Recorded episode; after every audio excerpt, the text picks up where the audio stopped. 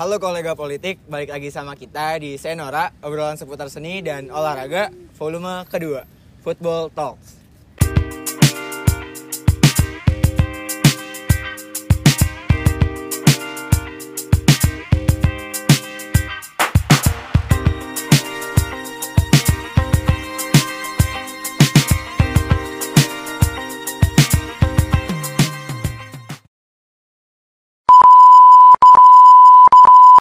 Nah, jadi di Senora volume kedua ini kita bakal ngomongin tentang seputar sepak bola.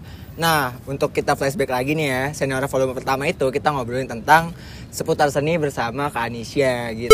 Nah, sekarang ini kita bakal ngomongin bola sama yang udah ada di sini dua dua orang yang udah ada di sini. Mungkin bisa langsung kenalin aja nih eh, kakak-kakak yang bisa banget tentang bola nih. Ya, Dari Kak, dari dari Kak yang sebelah kanan dulu kali ya. Eh, nama gue Montella biasa dipanggil ya Montella sih Eh, kalau disingkatnya Mon aja Kak Mon berarti teman-teman. Kak Mon ini sebelah kiri saya di siapa nih? Eh, gua Calvin Devon biasa dipanggil Calvin. Jadi ada Kak Kak Mon sama Kak Kelvin. Nah, kita nih di sini bakal ditemenin sama Kak Mon sama Kak Kelvin buat ngobrolin seputar bola dan juga tentang seputar karir mereka lah di sepak bola. Nah, pertama-tama nih gue mau nanya dulu ke siapa dulu ya? Ke Kak Kelvin dulu apa ke Mon? Montella dulu aja. Kevin. Ke, ke Kevin atau kamu nih? Kevin. Kevin dulu. Oke. Nah, pertama gue bakal nanyain tentang materi eh materi tentang karir sepak bola kalian ya. Eh, pertama tuh eh, mulai bola, mulai terjun ke industri bola kapan sih Kak Kelvin? Kalau mulai gua mulai masuk bola sih awal eh, pertama ya main iseng-iseng lah ya. Habis Hmm. itu mulai dari sekolah dari sekolah ikut-ikut eh, ekskul di sekolah futsal segala macam. Terus mulai ikut klub bola itu gua kelas 2 SD. Kelas 2 SD. itu gua ikut di Putra Nusantara. Itu sekolah sepak bola ya? Sekolah sepak bola. Sekolah bola. Ikut ikut ikut gua di situ kurang lebih 2 tahun 3 tahun lah. 2 sampai 3 tahun Iya, di dua situ. sampai 3 tahun habis itu baru pindah kelas 5 SD itu baru masuk Kasio. Kasih Jadi bareng Montella. bareng makanya ketemu sama Montella. Makanya ketemu sama Montella. Dia siap ya kurang lebih lima tahun lah. 5 tahun. Lima tahun Lama sampai- juga ya? Iya sampai SMA lah. Sampai SMA Sampai tuh di habis- Asiop. Habis udah vakum. Vakum. Oke. Kalau Kak Mon sendiri mulai terjun di industri bola itu mulai kapan tuh? kalau gue sih sama kayak Kelvin ya gue dari kecil tuh emang udah suka bola banget kan Eh, di sekolah dari kelas 1 SD tuh emang udah sering main bola di lapangan terus gue awal masuk sekolah bola tuh sama kelas 2 juga Kelas 2 SD juga. kelas 2 SD juga itu nama sekolah bolanya Indonesia Muda itu home base nya di Blok M Oh, di Blok M. Itu nyampe kapan tuh di situ? Itu gue cuman setahun sih sampai kelas 3 SD Iya, abis itu kelas 4 ya baru gue masuk ke Asio Karena ketemu sama Kelvin. Oke. Terus eh, kenapa sih kalian berdua nih milih buat eh, terjun ke industri bola? Emang ada dorongan dari orang tua kah atau emang kepengen aja gitu dari kecil? Mungkin dari Kamon dulu nih. Kalau gue emang eh, bokap gue suka bola, makanya gue dinamain Montella itu kan dari terinspirasi dari pemain bola Itali. Pemain bola Italia. Iya. Oh iya iya. Bokap gue suka bola ya dari kecil gue udah dikenalin lah sama dunia sepak bola kayak nonton bola, terus dibeliin bola, dibeliin baju bola. Nah ya akhirnya gue ya emang jadi hobi sih, jadi kesukaan, jadi passion gue sampai saat ini kan. Hmm. Ya gitu sih. Jadi awal tuh ada dorongan dari emang dari keluarga, terus emang lu nya juga Jadi suka jadi hobi gitu ya akhirnya. Kalau dari Kak Kelvin sendiri nih, kenapa mau terjun bola? Emang ada dorongan juga nggak kayak Kamon gitu? Eh, kalau gue mungkin eh, emang dari awal mungkin ya mungkin dari kecil karena kan sukanya main bola segala macam kan bola. terus iseng-iseng kalau misalnya ada bola gue tendang-tendang segala macam mungkin orang tua sama keluarga ngeliat bakat gue dari situ mungkin maksudnya kayak ada ketertarikan untuk ikut di situ makanya udah mungkin kayaknya emang karena gue suka di situ mereka juga ngedorong gue. Oke. iya Jadi tetap ngasih dukungan dari orang Iya, tua gitu. ya? tapi awalnya emang pasti dari gue Oke. Nah, itu kan kalian kalau Kak Kelvin ini berhenti SMA nih ya. SMA SMA. Kalau Terakhir. Kamon masih lanjut sampai sekarang. Nah, mungkin gue tanya dulu ke Kak Kelvin, kenapa sih berhenti dari dunia sepak bola gitu? Gua awalnya itu mulai labil itu karena SMP ditawarin buat ikut O2SN Atletik. O2SN Atletik. O2SN Atletik. Nah, ikut O2SN Atletik itu eh, gue SMP mulai kelas 8 sampai kelas 9 itu kan O2SN. Jadi selama O2SN itu gue latihan juga, latihan, Latihan bola, bola tapi latihan O2SN sama juga, latihan O2SN atlet Atletik, juga. Iya, iya. latihan juga. Nah, setelah gue kelar atletik itu, gue ngerasa nyaman di atletik. Oke, Rasa nyaman, iya. rasa nyaman di atletik. Nah, pas gue dapet titik nyamannya, akhirnya gue ninggalin bola. Gue latihan ke buat atletik. Iya.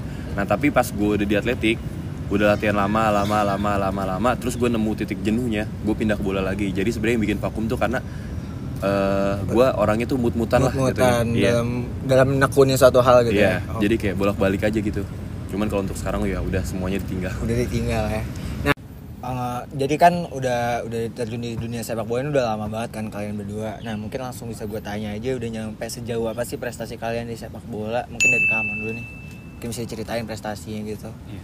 Kalau gue tuh pertama kali ikut turnamen tuh di Asiop eh, usia 9 tahun.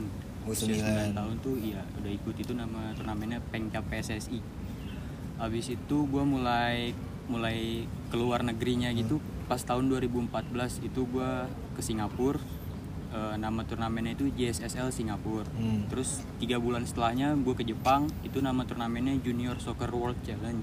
Hmm. Nah, abis itu gue gue kalau lokala ikut Piala Danon, ikut Liga Top Score tiga musim, terus Liga Kompas, Piala Suratin. Terus di musim 2018-2019 itu alhamdulillah gue eh, kepilih jadi bagian dari tim Bayangkara. Itu ikut Elite Pro Academy pramusimnya sih. Oh, pramusim. Elite Pro Academy. Bayangkara FC. Iya.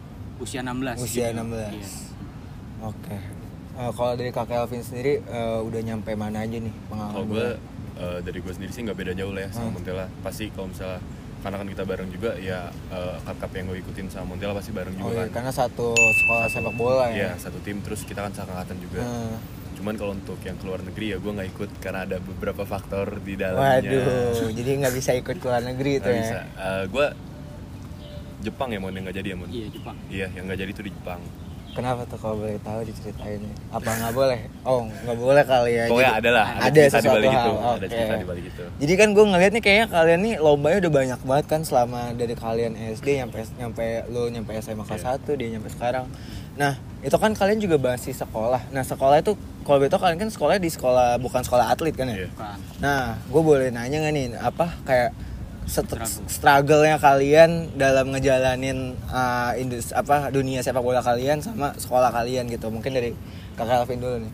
Kalau gue sih gue nggak ngambil pusing ribet segala macam sih ya. Kalau misalnya dari gue maksudnya kan kalau untuk sekolah dulu kan sama jam latihan kan masih bisa diatur ya. Hmm. masih bisa diatur. Jadi kalau misalnya sekolah kan paling pulang ya jam gue SMP SMA kan pulang setengah dua kan. Ya. sama SD Eh, kita paling latihan tuh kalau kita latihan jam 4 lah ya mon Jam 4. jam 4 kita latihan. Jadi masih bisa diatur lah. Jadi biasanya gue kalau misalnya pulang sekolah kadang Masih ada istirahat dulu. masih ya? ada istirahat atau enggak gue di sekolah makan dulu baru langsung berangkat ke lapangan jadi dari sekolah tuh langsung berangkat Oke. Jadi nggak nggak seberapa bikin apa ya? Bikin dianggap pusing lah ya. enggak enggak sih enggak terlalu Oke. Kalau kamu sendiri? Kalau gue gue ceritain dari SD aja nih ya. Mhm. dari SD itu gue udah eh, apa namanya kekekang lah gitu Ya. ya. Gue dari pagi itu sekolah sampai jam 12 Eh, Abis itu gue PM sampai jam 3 Abis itu gue latihan Abis maghrib gue les Nah Ah. jam 10 itu gue baru sampai baru rumah baru bisa di Iya. rumah ya. Baru bisa sampai rumah Terus eh, ke SMP SMA nya juga Walaupun eh, kita udah ngasih surat dispensasi gitu ya Eh. Kita mau turnamen ke mana gitu Tetap sekolah tuh nggak mau tahu jadi eh, sekolah tuh maunya kita fokus ke sekolah, bukan Hmm. Sekolah, ke sepak bola bukan ke sepak gitu. bola. padahal kan kalau gue kan kalau gue pribadi passionnya emang sepak bola sih Hmm. Iya. Jadi struggle-nya kalau lu lebih ke sekolahnya sama waktu lu kesita banget ya. Iya, iya benar. Oke, jadi eh, itu tadi tentang seputar karir lo berdua nih di sepak bola. Mungkin eh, kan sekarang ini berarti kalian ini masih ngikutin dinamika sepak bola sampai sekarang gak sih? Masih. masih Masih. Nah, mungkin gue pengen pengen nanya-nanya nih minta pendapat kalian tentang kondisi sepak bola tuh di masa sekarang gitu karena kan sekarang banyak pemain muda di Eropa, pemain muda Indonesia di Eropa, terus juga sekarang ini lagi musimnya akuisisi klub sama influencer nih mungkin udah pada tahu juga kan. Oke, berdasarkan eh, apa ya, pengalaman kalian di dunia sepak bola di Indonesia sekarang ini, gue mau nanya-nanya tentang eh, sedikit banyak tentang dinamika sepak bola Indonesia sekarang nih, karena yang kita tahu nih banyak pemain muda di Indonesia yang berkarir di luar negeri nih. Terus juga mungkin kalian juga udah pada tahu itu lagi musim banget akuisisi klub sama influencer kayak contohnya aja mungkin bisa kita sebut tuh Rans Cilegon, AHA Pati dan PSSI Persis Solo gitu-gitu. Nah, tapi itu juga di Indonesia lagi marak juga pembangunan fasilitas eh, pengembangan diri nih kayak training ground gitu-gitu kayak PSG Pati kan itu juga ngebangun training ground. Nah, gue pengen minta pendapat kalian tentang dinamika dinamika sepak bola di Indonesia sekarang. Mungkin dari tentang pemain muda yang lagi banyak ke luar negeri nih kalian gimana sih eh, nanggepin hal itu apakah ini sebuah kemajuan bagi Indonesia apa cuma sekadar biar eh, klub luar negeri itu pengen namanya naik aja nih buat Pasar. berkat netizen iya pasar, lihat narik pasar. narik pasar Indonesia gitu gimana dari kamu dulu kali ya Iya. Kalau menurut gua eh, banyaknya pemain Indonesia yang mulai berkarir di luar gitu kan, itu menurut gua positif banget sih. Karena itu nantinya juga membuka buat pemain-pemain lain untuk bisa berkarir di luar juga. Hmm, Kayak- jadi bikin semangat juga ya. Iya benar. Ah, ah. Jadi kan kalau misalnya udah ada nama pemain Indonesia di luar sana kan nanti eh, klub-klub luar kan jadi juga mulai memperhitungkan Indonesia lah, mem- Hmm. memperhitungkan pemain-pemain Indonesia gitu. Jadi membuka peluang yang lain juga sih. jadi bawa nama Indonesia Iya, juga bagus, ya bagus banget, positif. Halo kolega politik, jadi kita ini lagi pindah layout karena tadi eh, rada panas gitu, mungkin kita pindah ke atasan dikit gitu, makanya agak beda gitu karena tadi tuh udah nyampe eh, pendapatnya dari Kak Montella sekarang ke Kak Kelvin. Jadi gimana Kak Kelvin eh, pendapat tentang pemain muda Indonesia di luar negeri gitu? Kalau dari gue sendiri sih untuk pemain muda eh, yang main ke luar negeri itu ya nggak jauh sama Montella lah ya. Cuman poin tambahan dari gue paling kayak dengan dengan adanya channel kita buat jadi main keluar itu kayak nambah mental pemain yang lain Nambah lah. mental, Nambah ya. mental pemain yang lain biar mereka kayak ada rasa ingin juga Iya, buat jadi persaingannya timbul di situ. Iya, ya. jadi persaingannya timbul karena sejauh ini kalau misalnya gue lihat, gue ngerasa tuh orang-orang Indonesia tuh kayak masih terlalu masih terlalu uh, ada di zona nyamannya Zona mereka, nggak berani keluar Nggak gitu. berani keluar, iya, makanya iya. karena kan uh, banyak pemain kita yang kayak belum terlalu banyak main di luar kan. Iya. Nah makanya mu- mungkin kalau misalnya dari sekarang yang bisa kita lihat lah ya, yang namanya lagi naik mungkin Asnawi Mangkualam lah ya. Asnawi. kan dari situ kayak orang-orang kira mungkin kayak mulai ya Jadi terpacu ter- juga. terpacu Iya. ya terpacu kalau misalnya dari dulu kan kayak misalnya kayak orang-orang zaman dulu kayak Kurniawan Dwi Oh, iya. Yulianto segala macam kan langsung mainnya kan ke Eropa kan Langsung ke Eropa. mungkin kalau misalnya untuk dari dari pendapat gue sendiri ya Hmm. kalau untuk kita ya jangan terlalu berharap tinggi lah Iya. mungkin kayak dari Asnawi aja main di Liga 2 Korea Liga aja 2 udah Korea udah struggle oke. banget ya. Jadi kayak ya udah step by step aja dulu ntar lama-lama kan bisa naik Pasti. naik naik Iya, naik. jadi jangka panjang gitu. jangka ya. panjang pasti Nah, masih ngomongin tentang uh, pemain muda yang banyak keluar negeri nih. Jadi itu kan banyak uh, omongan netizen di Instagram gitu katanya uh, klub-klub bola luar negeri itu cuma nyari pasar Indonesia doang dengan merekrut pemain muda Indonesia ke luar negeri. Nah, gimana nih menurut uh, Kamon tentang pendapat netizen tuh itu bener gak sih kayak kita cuma dimanfaatin doang apa ada manfaatnya juga buat kita gitu? Kalau menurut gua itu memang jadi salah satu alasannya ya untuk menarik pasar karena kita sama-sama tahu kalau Indonesia itu kan fanatik banget sama sepak bola. Sama sepak bola. Iya. Tapi menurut gue juga itu bukan jadi satu satu-satunya alasan. Hmm.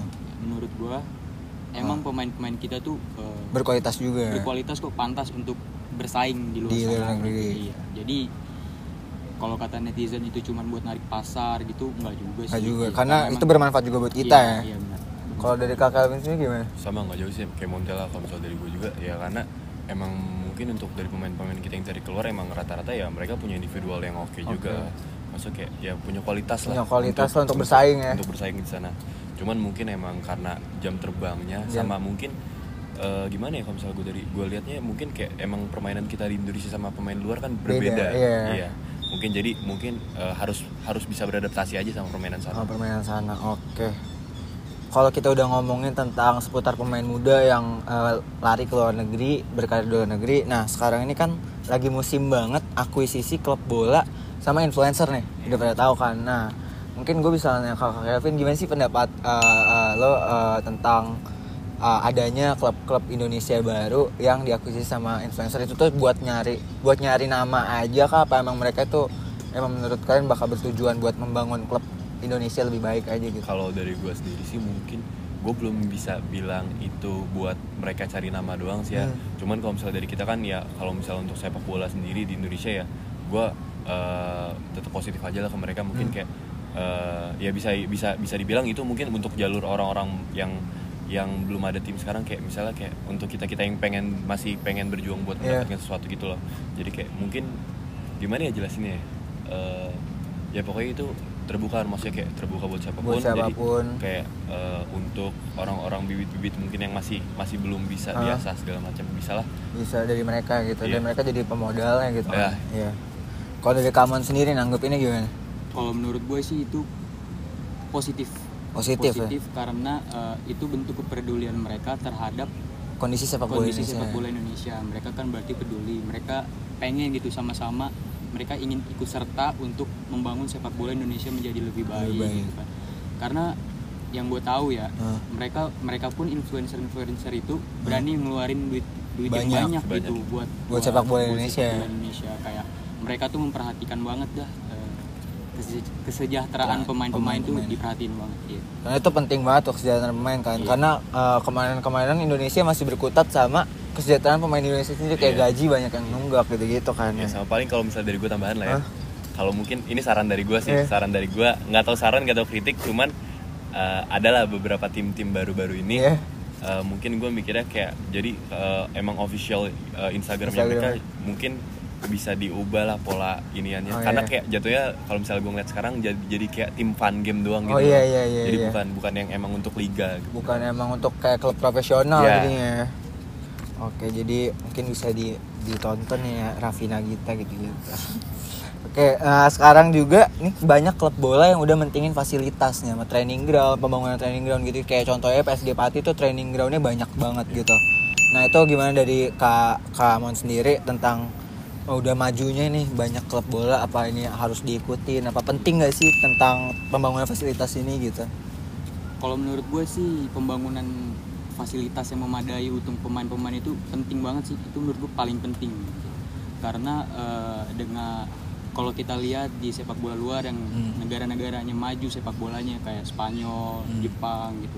Mereka kan memperhatikan banget eh, fasilitas-fasilitas akademi mereka kayak training ground, ada ada lapangan sintetis, Hmm. ada lapangan rumput asli, Ada gym. gym, ada kolam renang Hmm. juga buat eh, recovery gitu kan. Eh, menurut gue sih itu hal yang paling penting sih karena kita lihat Jepang gitu kan dia membangun fasilitas itu untuk program 100 tahun ke depan mereka target itu juara dunia Juara Bayangin, dunia serat- untuk iya, 100 tahun. 100 tahun ke depan itu baru itu kan berarti kan emang mencerminkan banget lah kalau emang pembangunan fasilitas eh, fasilitas-fasilitas training kayak Hmm. training ground gitu emang penting banget sih. Karena eh, mereka mentingin eh, proses ya. Iya, Emang proses itu yang Iya, dipentingin iya, ya. percaya proses Oke. Kalau dari Kak Kevin sendiri Kalau dari gue sih simpelnya aja ya, Hah? simpelnya emang eh, fasilitas nomor satu lah. nomor satu. Karena maksud gue kalau misalnya emang karena di mana pun itu fasilitas terpenting kayak kalau misalnya gue ngeliat dari eh, yang sekarang-sekarang aja kayak nggak perlu lah kayak misalnya tiap klub itu beli pemain mahal-mahal segala Hmm. macam gini-gini, mending uang yang lu beli buat pakai buat beli pemain, mending pakai buat fasilitas buat dulu. Jadi iya. pendidikan muda ya. Iya.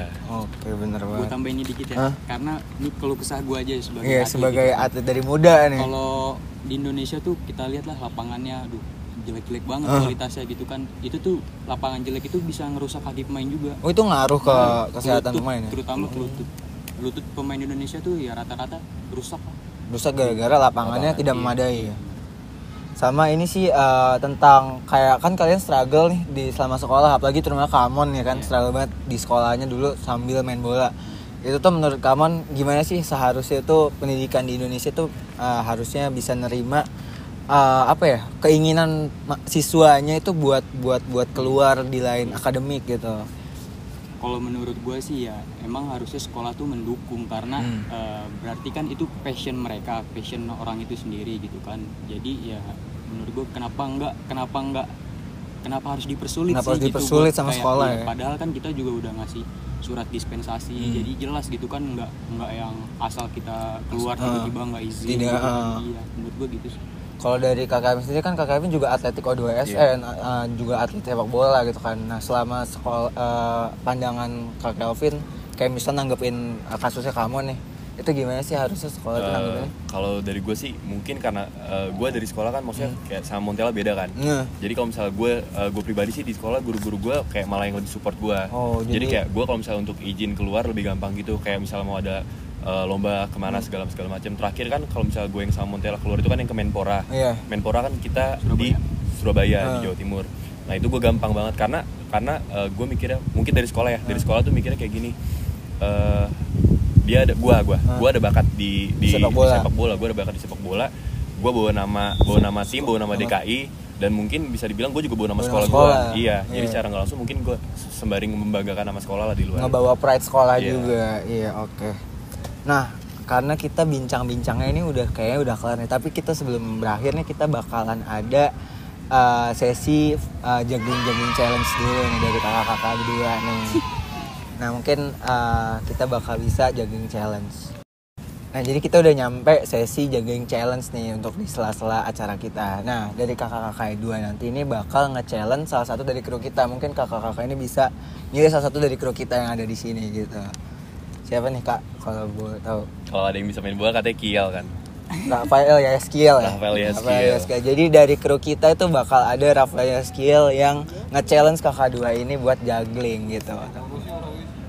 Yang mana sih orangnya kalau boleh tahu? Mungkin bisa orangnya tunjukin dulu ke kamera gitu.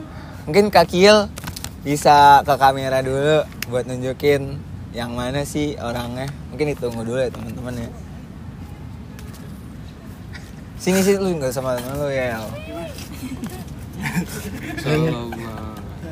Ya ini jadi ada Kak Kiel di samping kita ini yang bakal nge-challenge mereka berdua gitu. Nah karena udah ada kaki kaki di sini kita bakal eh, bakal bentaran lagi langsung mulai aja ke juggling challenge. Nah nanti di Gua juggling langsung challenge itu nyerah aja gak sih? nggak boleh dong. Nggak boleh. Iya. Jadi tuh nanti ya di juggling challenge itu yang kalah dari dari kru kita sama kalian berdua itu bakal ngakuin push up gitu. Jadi menurut saya emang Mas Kiel harus siap-siapin aja langsung tangannya. Oh jadi jatuhnya gue tag team berdua nih. Oh, kok gitu? Enggak, jadi eh, kalian berdua itu Kasih challenge ke dia. kasih eh, kasih challenge ke dia. Oh, Ntar kalian oke. berdua juga juggling gitu. Oke oke oke. Ya lawannya Kiel. Oke. Jadi gitu ya teman-teman tungguin aja challenge-nya habis ini.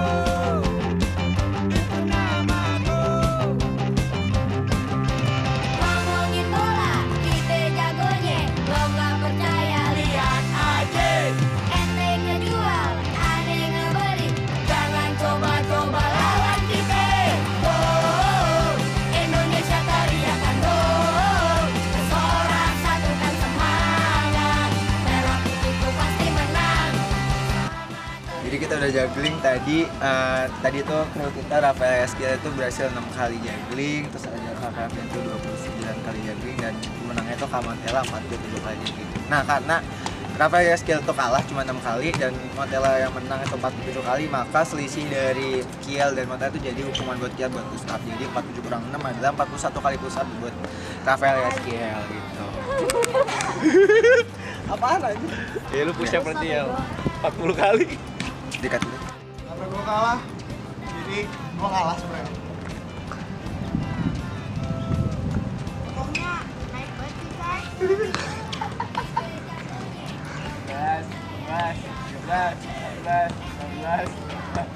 Karpaso. Udah, udah gak kuat. Jadi tadi jugglingnya keren banget sih, lucu-lucuan banget sih. Emang tadi Mas Kiel nyampe push up banget kayaknya. Tapi nggak tahu apa nanti kalian tonton aja di videonya.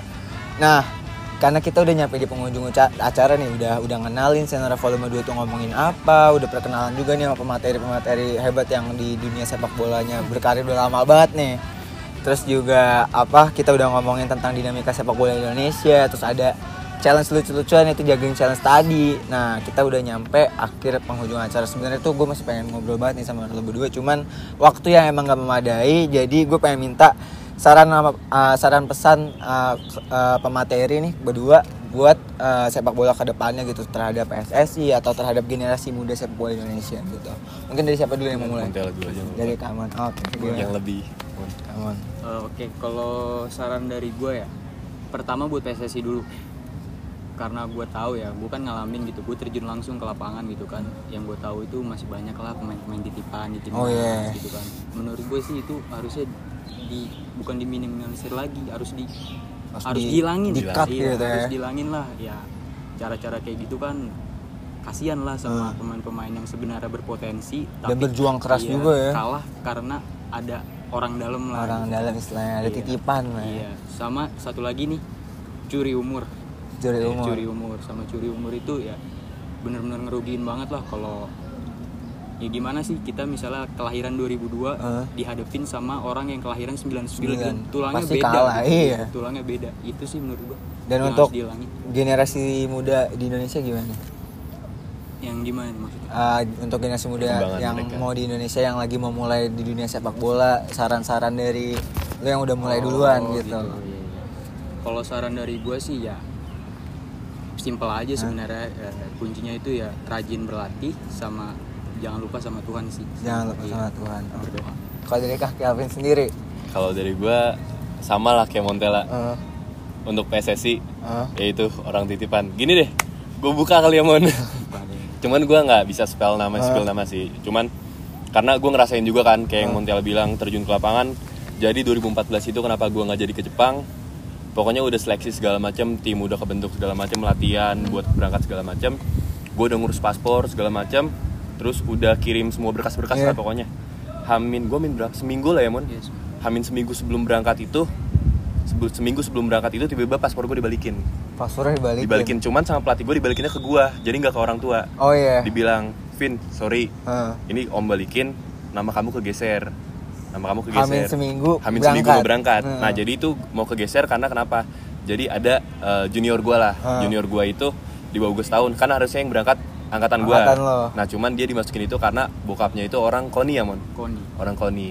orang koni Jadi, jadi, lo makanya. harus kegeser. Iya, nah makanya eh, mungkin dari Montella sama dari gue, mungkin ya itulah orang dalam yang di Indonesia itu makanya emang harus dihilang-hilangin. harus di, mulai dihilangin lah ya, dihilangin kalau bisa lah. anak muda Iya. soalnya yang anak muda yang udah kerja keras gitu itu harus Iya. bisa kegeser sama yang Karena gitu. maksud gue kan itu hitungannya kan 2014 tuh ya kita masih SD ya mon SMP ya SMP kelas SMP kelas SMP kelas 1 maksudnya untuk umur anak segitu kan pasti kalau misalnya udah berharap tinggi lah Iya. gue udah mau berangkat nih keluar Ah. nih pasti kalau mental langsung down kan Iya. gue setelah itu gue setelah nggak jadi berangkat itu gue berhenti soalnya Oh, langsung gue berhenti dari asiop BSM? gue berhenti asiop tiga bulan Oh. tiga bulan akhirnya gue dibujuk-bujuk lagi bang makanya gue baru mau baru latihan mau lagi lagi Iya. kalau untuk saran uh, generasi sepak bola Indonesia yang lagi pengen baru mau mulai atau lagi mengembangkan diri nih kan lo udah lama di Iya. sepak bola gimana kalau untuk eh, kalau dari gue sih buat eh, yang mau mulai ya Hah? atau mau- buat adik-adik yang udah mulai sekarang ya pokoknya jangan males-males lah tetap berusaha aja Tetap daripada berusaha. lu nyesel belakangnya ntar kayak gue kayak karena gue ngerasain sendiri di posisi gue ngeliat Montella Hah? sekarang udah mulai seleksi seleksi Hah? segala macem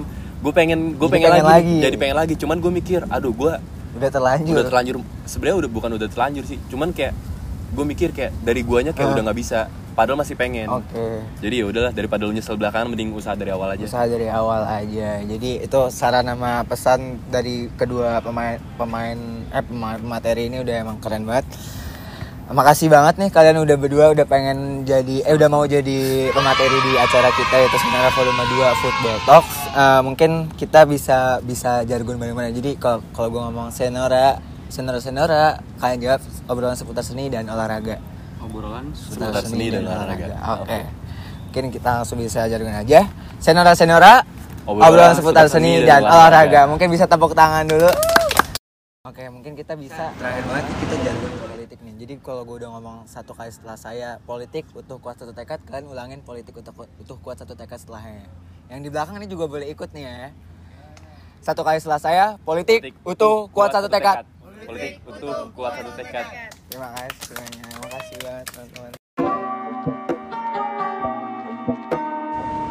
Halo, balik lagi sama kita di Senora obrolan seputar seni dan olahraga. Kagak kan lu tengah. Nah, gue tengah. Oh, si tengah. Gue bukan.